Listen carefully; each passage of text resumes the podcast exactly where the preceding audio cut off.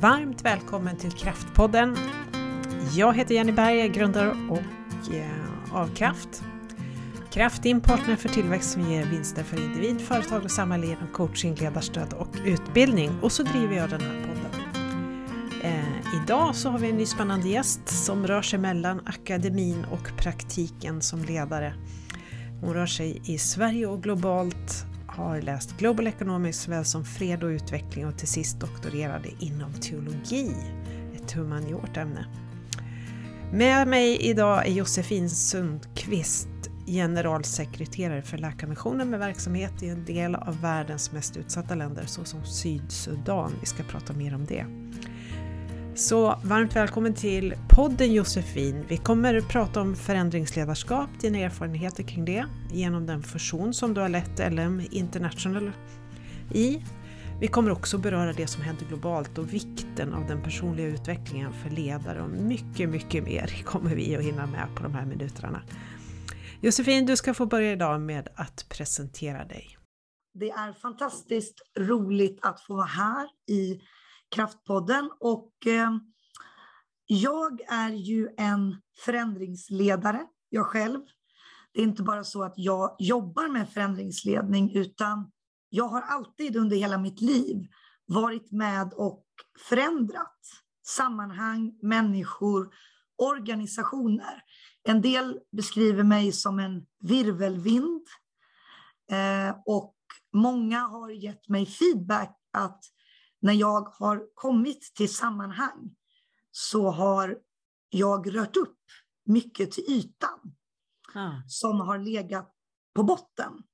Ah. Så jag brukar ofta beskriva mig själv som utåtriktad,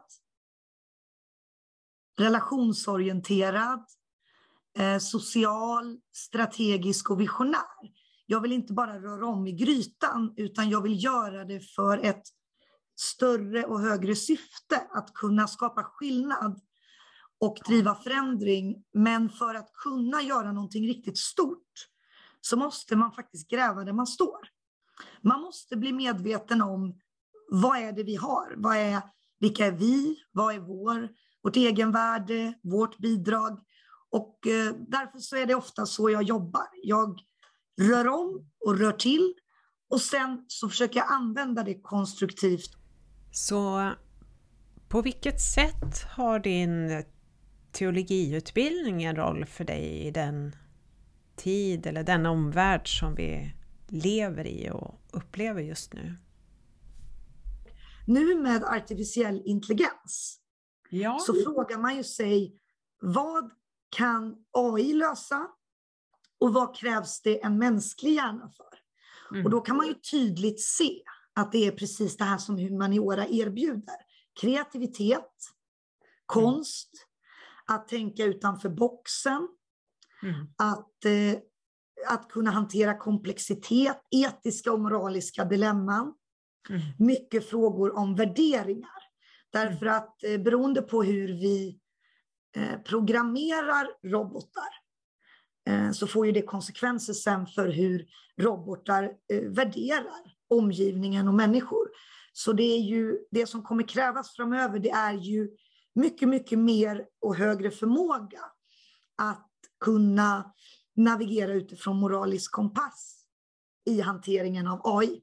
Så för att inte gå in för djupt på det så är jag väldigt glad för att jag landade i, i teologin i mina doktorsstudier, att jag fick chans att på djupet djupdyka i vad innebär, eh, vad innebär det att leda värderingsstyrt?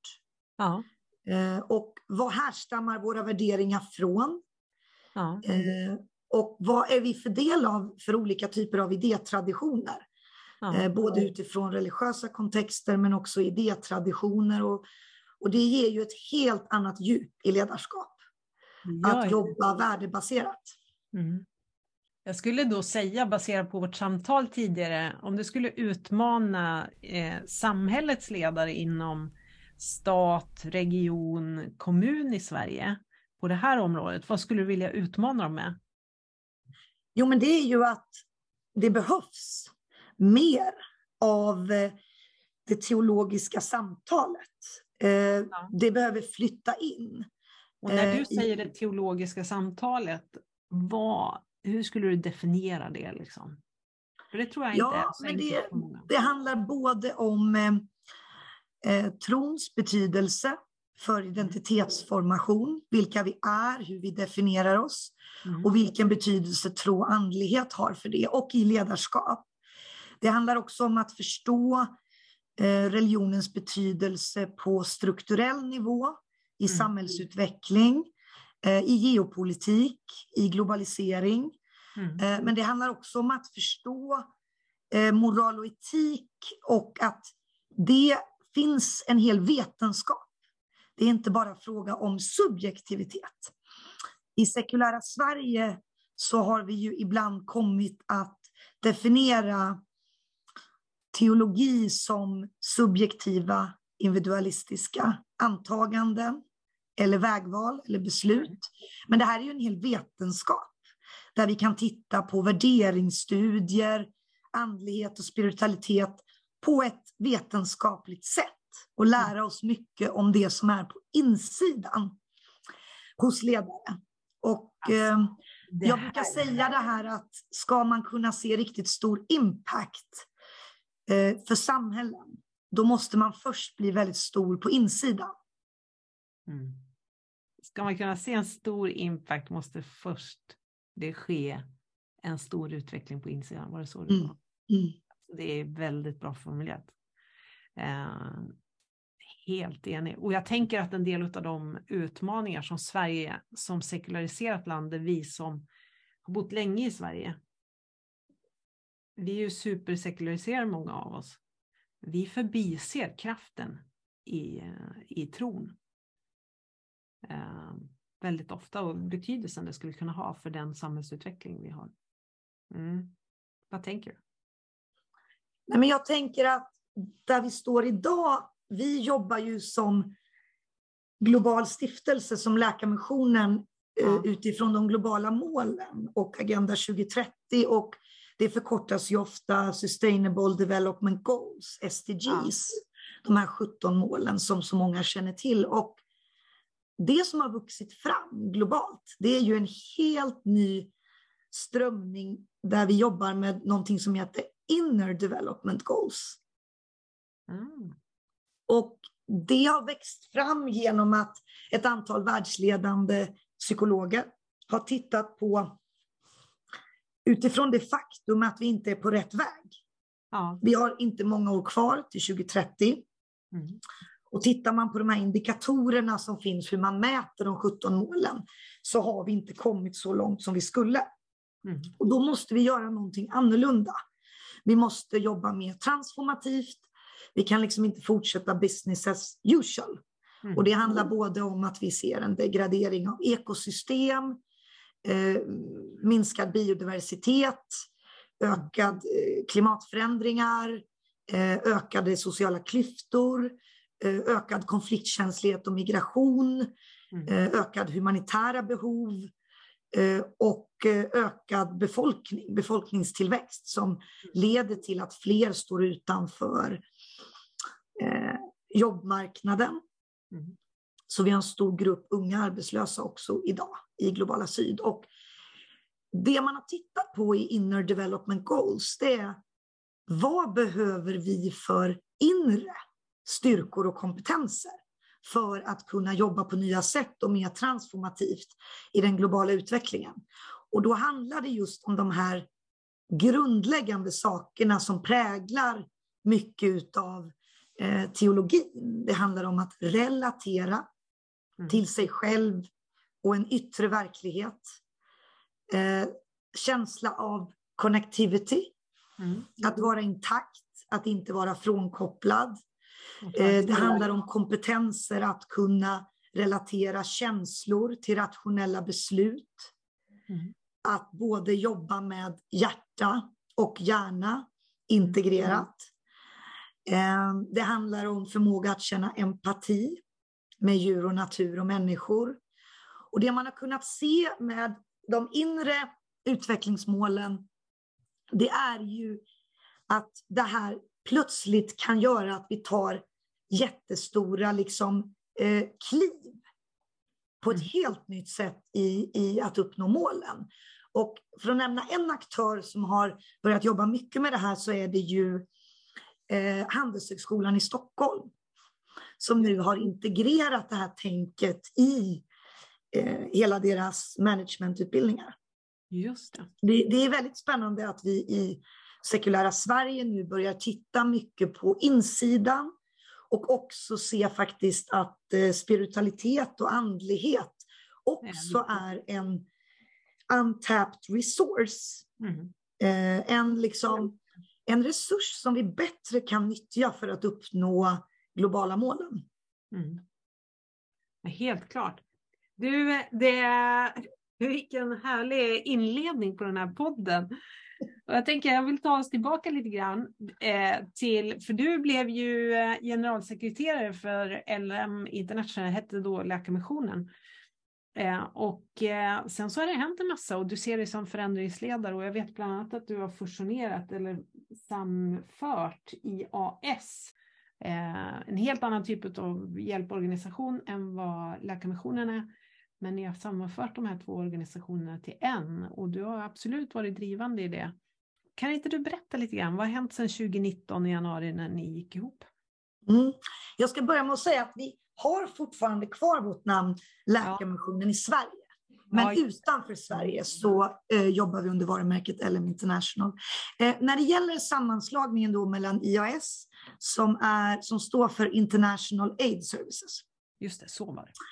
Eh, så var det så, IAS startade 1989 eh, och Läkarmissionen startade 1958. Så Läkarmissionen fanns eh, på plats som en global svensk stiftelse några årtionden före starten av IAS. Men IAS startades för de enorma behov som uppstod i nuvarande Sydsudan. Då var det ju Sudan, för då fanns inte Sydsudan som land. Eh, med stora flyktingströmmar och vattenbrist.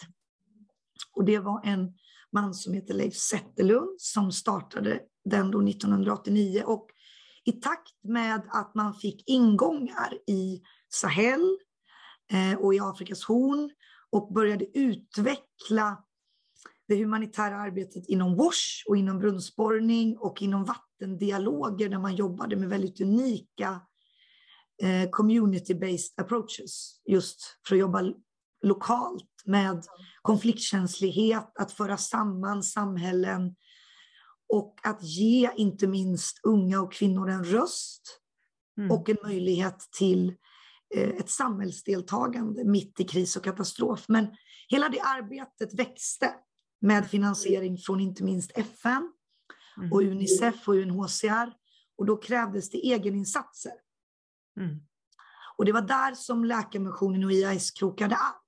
Därför att Läkarmissionen, vi har alltid varit duktiga på insamling och mobilisering av engagemang i Sverige genom att berätta berättelser om förändring. Mm. Och eh, där började vi gå i, i samman, partnerskap, och vi kunde vara med och mobilisera engagemang och finansiera delar av egeninsatserna. Men sen fortsatte IAS att växa. Och det krävdes en annan typ av organisatorisk struktur för att kunna ta ytterligare kliv i tillväxt. Mm. Och det var där som samtalen inleddes av dåvarande CEOer. Det var Daniel Zetterlund på IAS och Johan Lilja på Läkarmissionen. Så då kom man överens som styrelser och högsta chefer att man skulle gå samman. Och januari 2019 så fullbordade man det. Jag kom in efter... Om, om man skulle stanna där lite. Mm.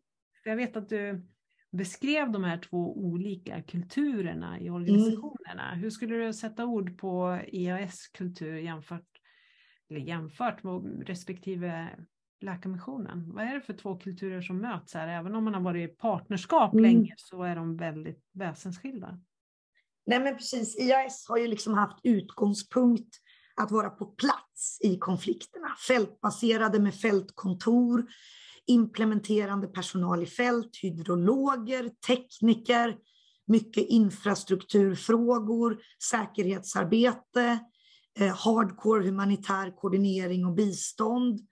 Eh, inna, under sammanslagningen så skojade man i organisationskulturen om att det fanns en grupp cowboys inom IAS. Och sen ja. så hade vi Läkarmissionen som jobbade med mycket av mobilisering och insamling i Sverige.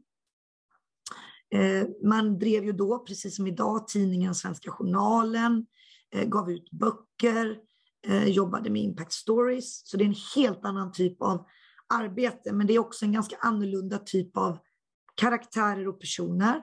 Ja. Mycket mer av långsiktighet, mycket mer av tradition, mm. lojalitet. Vi som Läkarmissionen har alltid haft lojala givare och det har vi fortfarande, mm. som har följt oss över tid. Vi såg också en liksom, väldigt annorlunda syn i att Läkarmissionen hade stöttat mycket utvecklingsinsatser mm. som skulle leda till självförsörjning. Um, mm. Det som faktiskt fick båda att kunna komma samman, det var mycket entreprenörskapet från båda håll. Att med små medel göra stor skillnad och inte fastna i för tung byråkrati. Det har varit liksom ett eh, ledord historiskt och idag för Läkarmissionen, men det har även varit det för IAS. Även om man då säga plats. Pragma pragmatism, yes. helt enkelt. Och eh, göra det som funkar, entreprenörskap och entreprenörsanda. Flexibilitet, pragmatism och liksom du. Rörelse liksom. Ja, precis så. Så ja. det har ju ändå kunnat göra resan möjlig, men men som alla vet vid fusions och merge och sammanslagningar ja. så är det ju alltid jättemycket spänningar. Och ja. Eh, det finns ju historiskt ingen som kan hävda att det är lätt Nej. att föra samman två organisationer. Så de här två åren har jag lärt mig väldigt, väldigt mycket om ledarskap, ja. om förändringsledning och såklart också vad man inte ska göra, men också vad man ska göra, som jag har gjort och som också har varit framgångsrikt. Så vad är dina framgångsrika erfarenheter från den här resan i förändringsledning? Um... Nej, men ett recept som är jättecentralt är ju att ha ett gemensamt narrativ.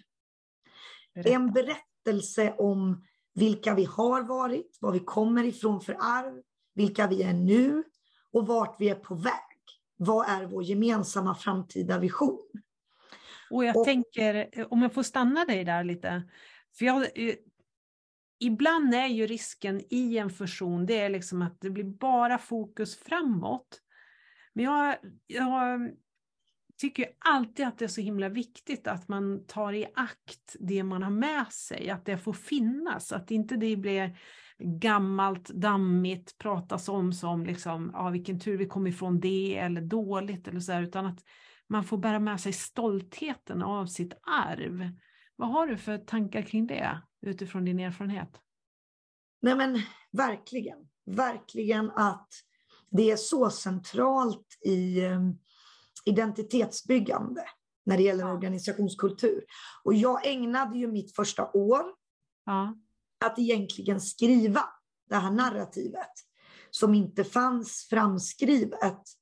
Mm. Vad det var som sammanförde Läkarmissionen och IAS egentligen. Vad var det som skapade siffran 3?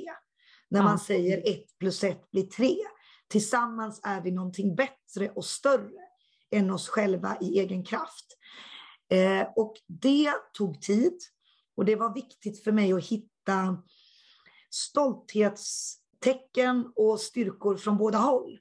Mm. Och därför spenderade jag mycket tid mitt första år med eh, många förgrundsgestalter, både i IAS och Läkarmissionen, för att föra mycket djupa samtal om vad som har hänt, eh, vad man kan lära sig av Läkarmissionen och IAS historia. Och det handlar ju både om att läsa en bok som Vattenkriget, för att ja. förstå eh, vem Leif Zetterlund som grundare av IAS var som ung. eh, på 80-talet. Det handlar också om att förstå Harry Lindqvist som grundade Läkarmissionen på 50-talet. Jag har läst väldigt mycket av hans skrifter.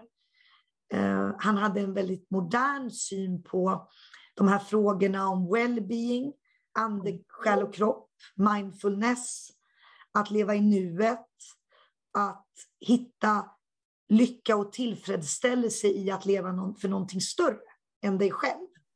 Så mycket av det vi hör idag om i media finns faktiskt i hans publikationer som går tillbaka till 60-talet. Eh, men mycket av sånt arbete gjorde jag. Ja. Och det kan man ju tycka i, i liksom en merge, när man har så mycket policydokument som ska skrivas ihop och man ska jobba med gemensam grafisk profil och ja.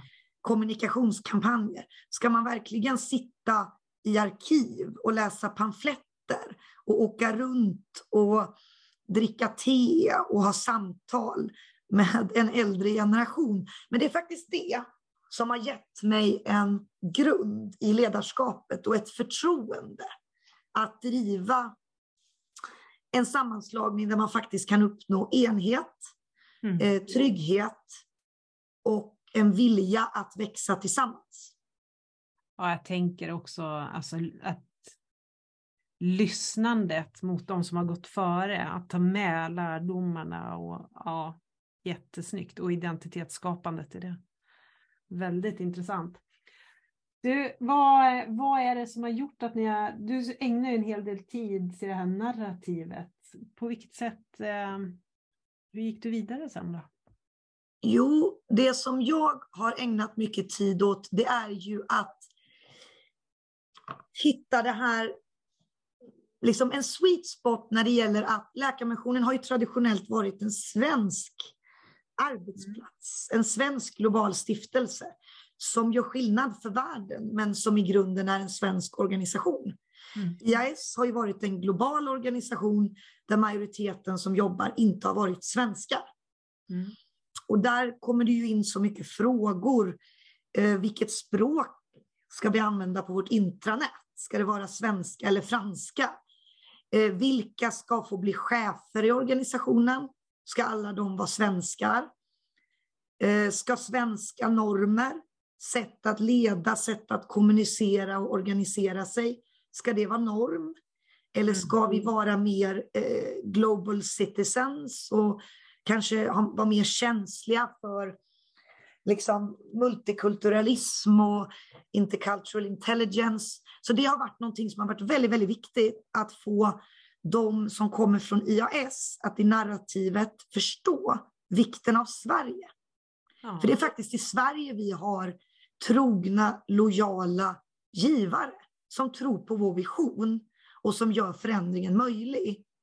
Och det, det handlar om kan värdering av intressenter här också. Exakt, och på samma sätt så... På samma sätt behöver liksom vår personal som har jobbat länge på Läkarmissionen Sverige, de behöver förstå att de idag jobbar i en global organisation med kollegor som eh, har andra tolkningsramar. Mm. Som kanske inte värdesätter demokratisk möteskultur. De kanske hellre vill ha tydliga besked, eh, hierarkiskt beslutsfattande. Och det kan ju krocka mycket med eh, svensk konsensus. eftersträvanhet efter konsensus, till exempel. Ja, verkligen. Så eh, vad har språket blivit? Har det blivit franska eller svenska eller vad, hur, vad kom ni fram till? Nej, men nu har vi kommit fram till att uh, engelska är det språket vi har för vårt gemensamma arbete. Så en gång i månaden har vi till exempel all staff meeting där alla våra 300 anställda möts. Mm. Och då använder vi engelska som gemensamt språk. Sen använder vi franska som sekundärt språk. Så våra instruktioner och policies och så vidare översätter vi till franska. Och vissa av våra möten kör vi tvåspråkiga, engelska och franska. Men vi har ändå satt engelska som lead och svenska har vi behållit för vissa möten på vårt globala kontor i Stockholm. Genom den här resan, vad är, eh, vad är, det liksom, vad är du mest stolt över att ni har åstadkommit eh, i det här samarbetet? Nej, men det jag är mest stolt över det är att vi har hittat fram till de inre drivkrafterna. Vi har så fantastiska människor i Läkarmissionen som har under så lång tid inte gett upp. Vi mm. följer ju alla säkert på något sätt det som händer nu i Sudan. Ja. Och eh, vi har så många fantastiska ledare som har liksom fortsatt år ut och år in. Inte ge upp på bortglömda konflikter. Eh, inte dra sig ur på grund av säkerhetshot och risker eller på grund av svårigheter i insamling, utan att fortsätta att stå fast vid att vi ska skapa skillnad för människor och samhällen i de allra mest utsatta områden och för de allra mest utsatta grupperna, kvinnor, barn och människor på flykt. Och att kunna nå fram till de ledarna och att de kan känna att de idag får uttrycka eh, sin drivkraft i det som idag är något nytt, något större och något gemensamt. Det är för mig eh, väldigt stort, eh, någonting som djupt berör mig. För att vad människor eh, sätter sin tillit och sin passion, det kan man aldrig styra. Det kommer från insidan och det är ett val som ledare gör. Det man kan göra är att man kan skapa en, en miljö mm. som möjliggör för människor att uttrycka passion. Man kan också visa en tydlig riktning och vision mm. där ledare kan känna att man vill alienera sig. Det där är ju superviktigt, vilken organisation som helst. Så vilken miljö är du upptagen av att skapa i Läkarmissionen? Ja, men det ska vara dels en miljö som präglas av innovationskultur, att mm. man får misslyckas eh, utan att det bestraffas, utan det ska till och med uppmuntras. Eh, att det är faktiskt när vi testar och försöker att misslyckas mm. som vi växer som ledare och vågar mer. Mm. Så innovationskultur är jätteviktigt. Jätteviktigt att vi är värderingsstyrda. Eh, när det blåser, när det blir tufft, så ska vi ha djupare drivkrafter än bara våra kopior, våra Key Performance Indicators i verksamhetsplanen. Sen är det jätteviktigt att vi har tillit så att vi inte börjar kritisera varandra när det blir tufft, utan istället drar på varandras styrkor och visar sårbarhet. Mm. Eh, ju tuffare konflikter man ska kunna jobba i, desto mer måste man visa sårbarhet i ledarskap. Mm. Um, avslutningsvis så vill jag också ha en kultur som är inkluderande. Uh, vi pratar ju idag mycket i Sverige om Black Lives Matter. Ja. Att uh, trots att vi har en väldigt stark diasporagrupp i Sverige med mycket kunskap från konfliktländer så använder inte det kunnandet tillräckligt när vi utser styrelser och chefer och tillsätter tjänster. På samma mm. sätt kan det vara kvinnor som eh, inte känner sig eh, fullständigt fria i ledarskap, att kunna kliva fram. Det kan också handla om en ung generation som har svårt att hitta ingångarna när det gäller global utveckling och humanitärt bistånd. Och mm. där har ju vi till exempel på Läkarmissionen släppt fram unga att också få vara eh, chefer Eh, i tunga roller och också få misslyckas. Det är stort. Bara det skulle man vilja djupdyka i. Men jag tittar på klockan och ser att tiden går ju alldeles för fort. Och just nu så är det ju väldigt aktuellt med det som händer i Sydsudan. Och jag vet att ni har faktiskt krismöte var tredje timma eh, på Läkarmissionen med de som ni har nere i det området. Kan inte du berätta, vad är det som händer där? Sydsudan, jo, men Sudan, er del? Eh, precis. I Sudan så har det ju varit eh, egentligen öppen eh, väpnad konflikt, inte minst då i Khartoum som är huvudstaden i Sudan. Sen eh, lördag, inte bara nu då tillbaka i lördags, utan vi får gå tillbaka till lördagen eh, 21, nej förlåt, lördagen 15 Eh, så det här är 15, sedan 15 april. Och eh, det har varit eh, öppen beväpnad strid på Khartoums gator. Eh, vi har själva ungefär 130 anställda i Sudan som har gömt sig i sina hem. Eh, vissa har fått ligga på golvet, vara inlåsta, eh, har haft brist på mat och vatten i sina reserver efter att det hade gått över en vecka.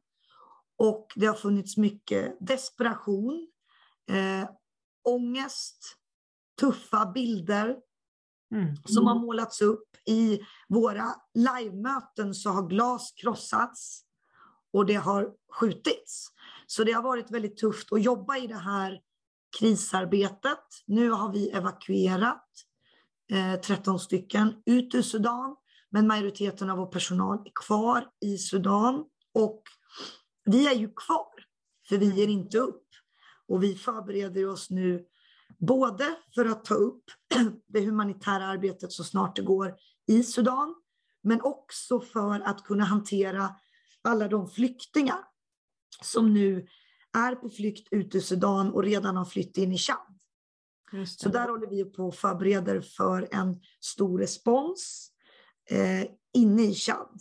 Så det är liksom en mix av starka känslor, för det här är ju kollegor, det finns relationer och eh, det är ju också tufft i krisarbete att behålla sig fokuserad på uppdrag, men ändå vara i kontakt med känslor. Jag tror att många som lyssnar känner nu liksom så här, åh, jag tyckte jag hade jobbigt i mitt ledarskap. Eh, och lyfter på hatten lite grann. Vad, Eh, jag vet ju att du finns med i den här krisgruppen och möter de här människorna i Sudan som är dina medarbetare och kollegor. Vad är det som är mest utmanande? Liksom? Här sitter du i en trevlig podd med mig och vi småpratar lite grann så här om allt möjligt. Vad är mest utmanande med de här kontrasterna det blir i ditt ledarskap? Och hur hanterar du det? Nej, men det mest utmanande det är ju att inte börja jämföra sig. Ja. För det kommer vi aldrig kunna göra. Vi ska aldrig tro att vi fullt ut förstår varandra. Hur väl vi än känner varandra så kommer det alltid vara skillnad att till exempel vara eh, internationell staff. Mm. Eh, när du är uppväxt i ett konfliktland och är från det konfliktlandet så har du inte på samma sätt ett världsmedborgarskap med ett mm. pass där du kan ta dig till valfria länder. Utan du är många gånger fast i ett konfliktland. Och du kan driva förändring, men du gör det med mycket, mycket tuffare förutsättningar. Och jag tror att grunden är att acceptera att vi sitter med olika förutsättningar. Vi har olika privilegier. Och, och kan vi liksom landa i det någonstans och se att det vi kan göra är att skapa skillnad utifrån där vi är, utifrån vår position. Eh, har man fått förmånen att utbilda sig akademiskt, eller att få stå i en ledarskapsposition, eller att vara välconnectad, mm. ja men då ska man ju använda det för att förändra orättvisor i världen, för att bidra till fred och utveckling och rikta det konstruktivt, det som många skulle kalla eh, är privilegium. Ja. Och då tror jag man kan mötas väldigt, väldigt fint som medmänniskor. Eh, mm. men det som är eh, väldigt farligt, det är när man hamnar i tron att man fullt ut förstår varandra. Vi ja. möts med olika utgångspunkter. Sen är det klart att jag och vi i krishanteringsarbetet har en fördel av att alla vi har bott i, i konfliktländer, eh, i ja. den här typen av miljöer. Så det är inte så att det är liksom helt okända miljöer. Men det kommer alltid vara någon, en skillnad eh, att vara från landet, ha hela sin släkt där, eh, hela sitt eh, sociala kapital. Eh, det kommer vara mer som står på spel. Man kommer vara mer sårbar. Mm. Och det där talar ju verkligen om, om vikten av att lyssna på riktigt.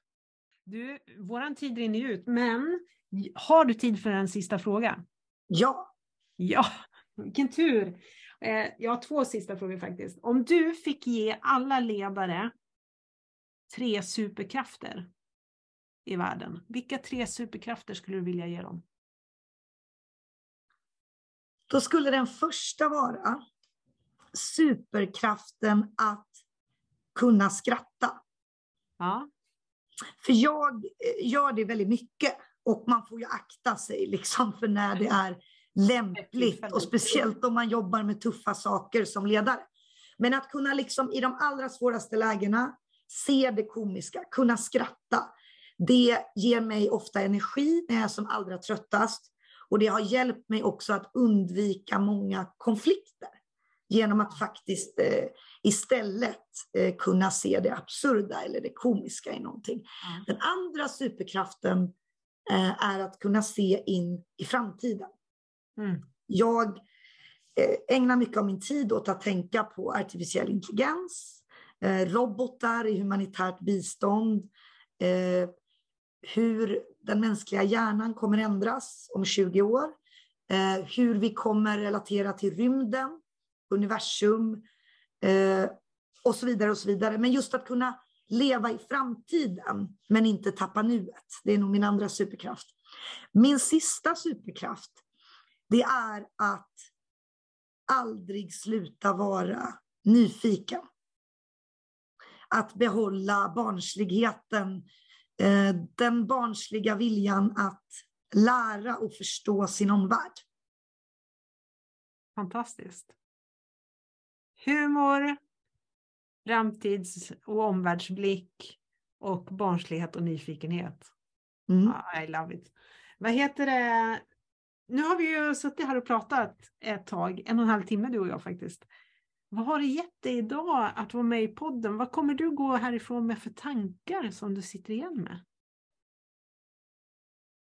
Nej, men det det har gett mig, det är ju en djupare förståelse för hur min syn på ledarskap och vad som är viktigt i ledarskap eh, hur det har påverkat hur jag har drivit eh, vår sammanslagning, ja. vår fusion mellan IAS och Läkarmissionen. Eh, kopplingen mellan just det individuella ledarskapet och ens drivkrafter med vad man sen gör strukturellt. Eh, det är ju helt och nära sammanlänkat. Och det har jag fått en djupare förståelse för Just för att vi i vårt samtal har rört oss mellan vem jag är som ledare och hur jag leder och har lett Läkarmissionen genom sammanslagningen. Ja. Det är så intressant för min förra poddavsnitt som jag spelade in även idag med Alexander Löfgren, då nämner han en av superkrafterna som reflektion och det är ju egentligen det vi gör när vi gör poddavsnitt. Vi är, mm. Reflektionen är så viktig att få samtala om saker. Josefin, jag tänker så här att det har varit jätteroligt att ha dig som gäst i Kraftpodden. Jag är otroligt glad över det och hoppas att vi får ses igen framöver. Alltid eh, så himla kul att möta människor som du som brinner för det du gör. Du är på riktigt passionerad för ledarskap och förändringsledning och digital transformation. Det märks för världen. Glad för det arbete du gör. Och eh, jag vill också passa på att tacka alla lyssnare som har lyssnat. Eh, och eh, så mycket content här som man vill djupdyka i, men vi kanske får återkomma helt enkelt. Yes, det får du gärna göra. Mm. Ha en fortsatt bra dag Josefin. Tack så mycket och tack för att jag fick komma till Kraftpodden. Ja, varmt välkommen åter.